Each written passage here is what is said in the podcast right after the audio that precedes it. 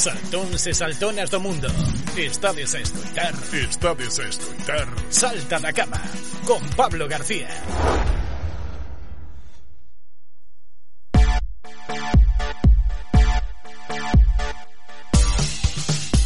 Non sei se vos destes conta, non sei se o dixen nalgún momento da mañán que hoxe é Santa Cecilia.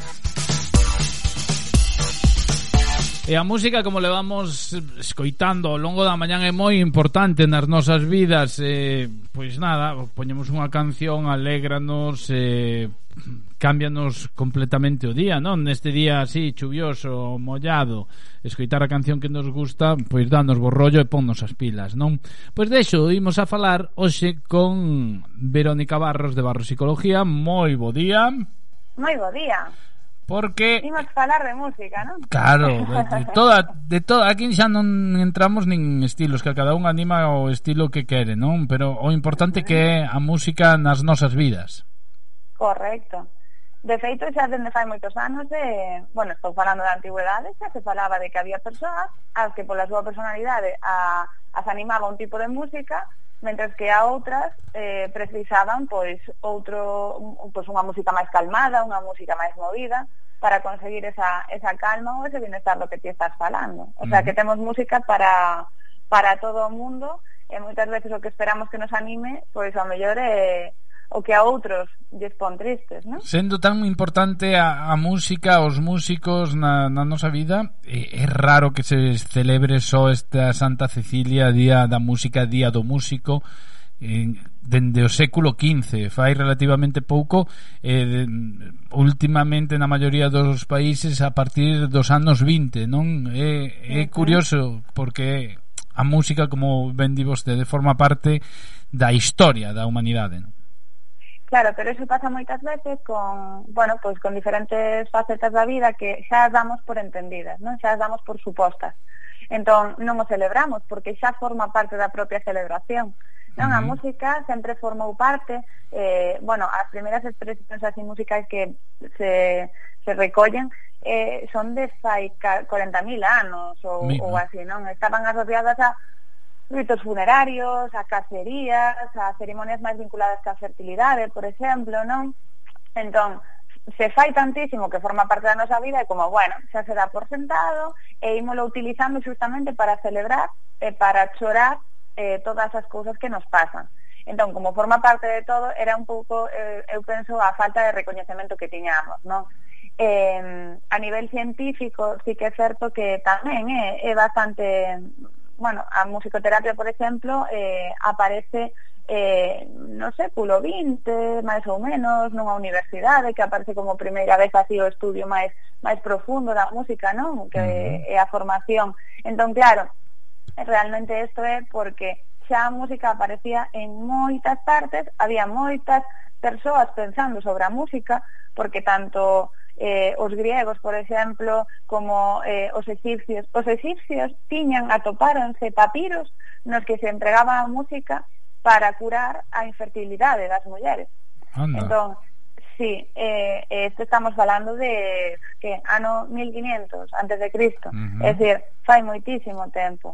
Despois eh, tamén forma parte da cultura como tal, non? Eh, por que nos sentimos galegos, non? Pois por porque hai unha música, porque uh -huh. hai unhas costumbres, eh, que nos diferencia eh, dun valenciano pues realmente pues, son eses bailes típicos ou esa forma de vestir diferente ou pero realmente eso é, mm, bueno, pues ten moito que ver co, coa música. Uh -huh. eh, a, a música amansa as fieras, Inci... as fieras no? ou incita as fieras. Incita as sordas, non? Tamén eh, antes Tamén. eses tambores de guerra que se tocaban.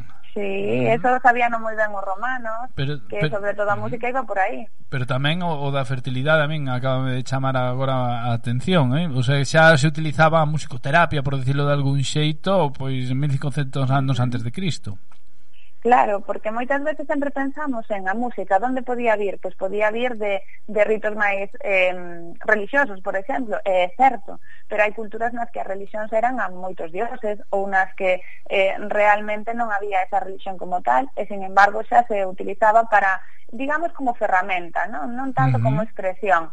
Entón, realmente non é unha novidade que a día de hoxe, pois, lo, lógicamente, estamos utilizando a, a música tamén como parte da terapia, non?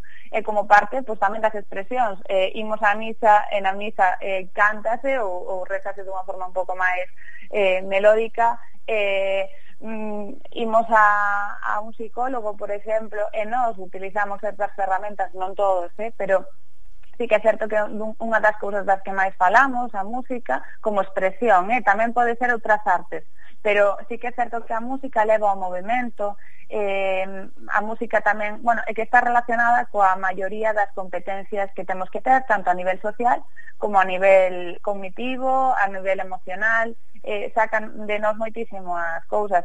Eh, o que falábamos antes de que eh, se, había persoas que respondían mellor a unha música que a outra, eh, no barroco, é dicir, xa fai moitísimos anos, eh, un autor eh, xa relacionou que as persoas depresivas respondían mellor con música melódica, mentras que as alegres preferían a música de baile. Uh -huh. Entón, bueno, pois pues, xa daquela se, se facía, nós tamén temos que utilizalo.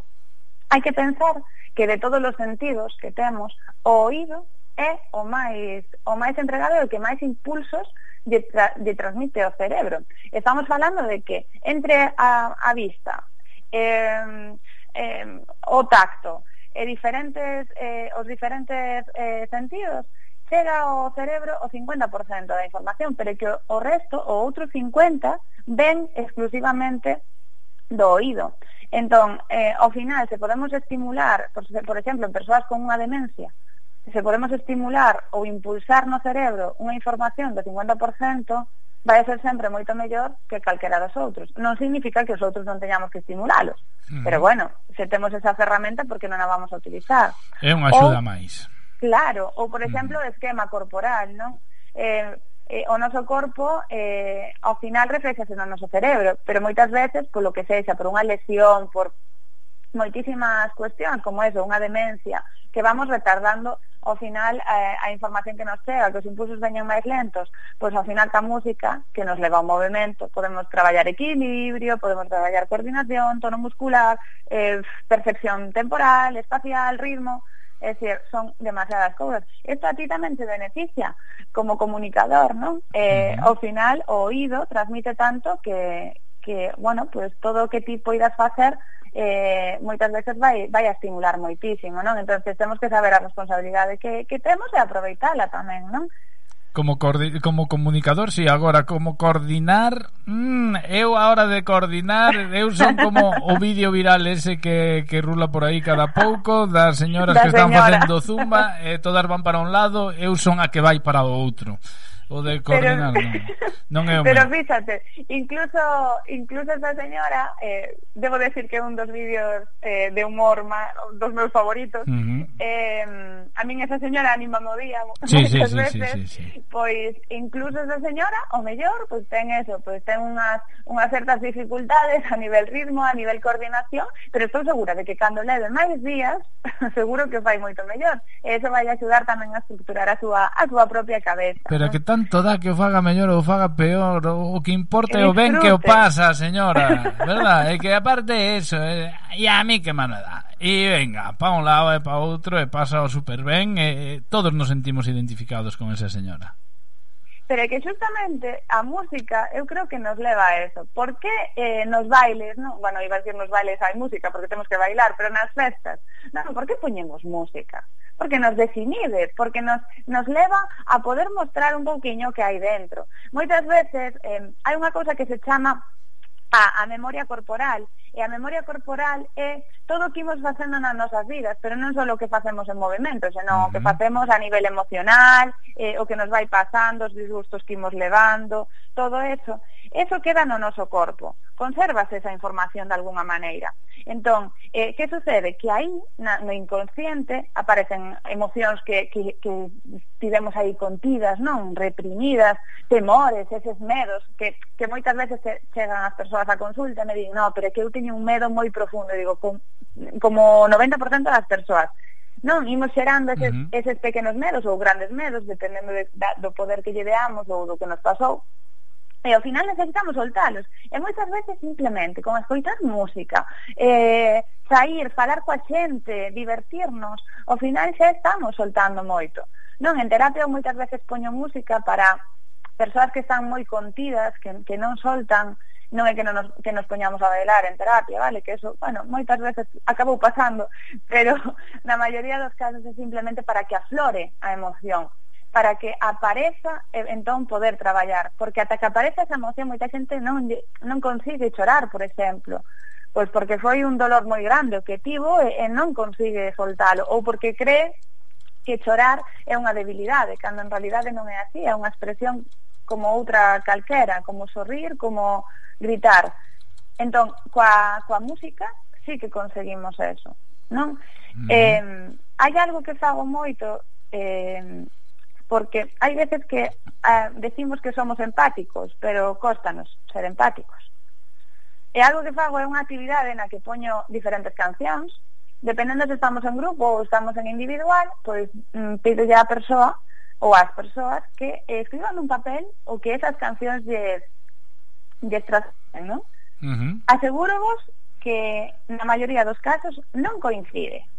No, é dicir, en cancións moi básicas sí, ou se temos, vimos da mesma cultura sí, porque, por exemplo, pois unha música música galega, non? Un folk e tal, pois lógicamente leva normalmente a que me digan casa, fogar, eh, a nosa terra, pero despois, como cambiemos algunha variable da persoa, como haxa certa, xa non pensamos o mismo. Hai a xente que unha canción lle pode transmitir eh, moito moita tristeza simplemente porque viveu eh, algo cunha persoa a quen pois, lle gustaba esa canción e agora non están xuntos, por exemplo. Uh -huh. Entón, temos que ir vendo eso porque tamén nos fai sentir empatía pola outra persona, porque simplemente comprender que unha canción pode evocar emocións moi diferentes en dúas persoas que parecemos moi similares, xa nos di que podemos sentir moitas cousas eh, diferentes ante as situacións que vivimos non entonces poñernos no lugar do outro hai moitísimas cousas que favorece a música, a verdade, debo decir que... Sí, a verdade que, que no... eu quedei mabrallado, xa, hoxe estou caladiño aquí, non me tobaza, porque a verdade que estou aprendendo moitísimo e pareceme super interesante. E eh, convido, convido a todos os saltóns e saltonas que o fagan nas súas casas, non? Pois que collan unha Totalmente. canción nun momento dado, que teñan un ratiño e que digan, pois mira, esta canción a min gustame por isto, transmíteme isto é que o volvan a facer outros días, non que lle acorde, por, que garden ese papeliño por aí ou nunha uh -huh. libreta e que o volvan a facer pois dentro dun mes ou así, e, e despois a final de anos e tal que fagan balance, que miren, oye, pois mira, a mesma canción en diferentes días transmitíame cousas diferentes, non? Eso é, claro. é tamén para analizarnos e coñecernos a nós xusto, e tamén para ver que moitas veces temos un pensamento moi emocional, non? Entonces uh -huh. dicir, bueno, pois pues, teño que relativizar máis ou ou teño que que coñecerme máis, non? Moitas veces claro. a reflexión, agora estamos nun momento que claro, o tempo é así máis máis gris, non? Bueno, máis gris non, está moi gris. Mm. -hmm. e, e que hai moi, moi pouca luz, e, e os días son curtos, entonces a xente está moi reflexiva.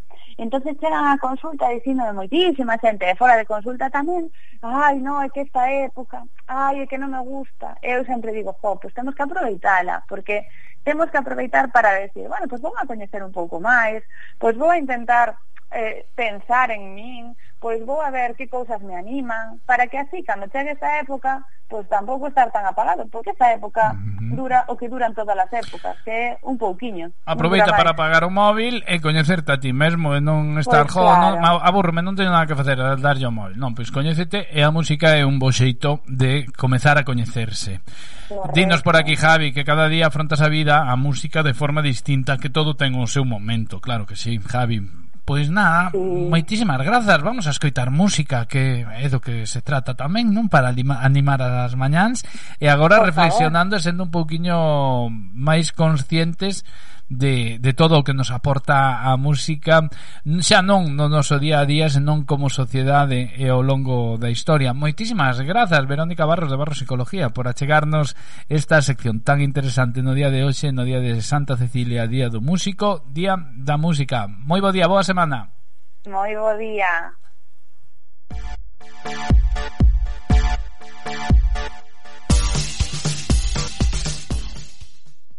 Salta da cama no 107.7 da frecuencia modulada e na páxina web radioestrada.com.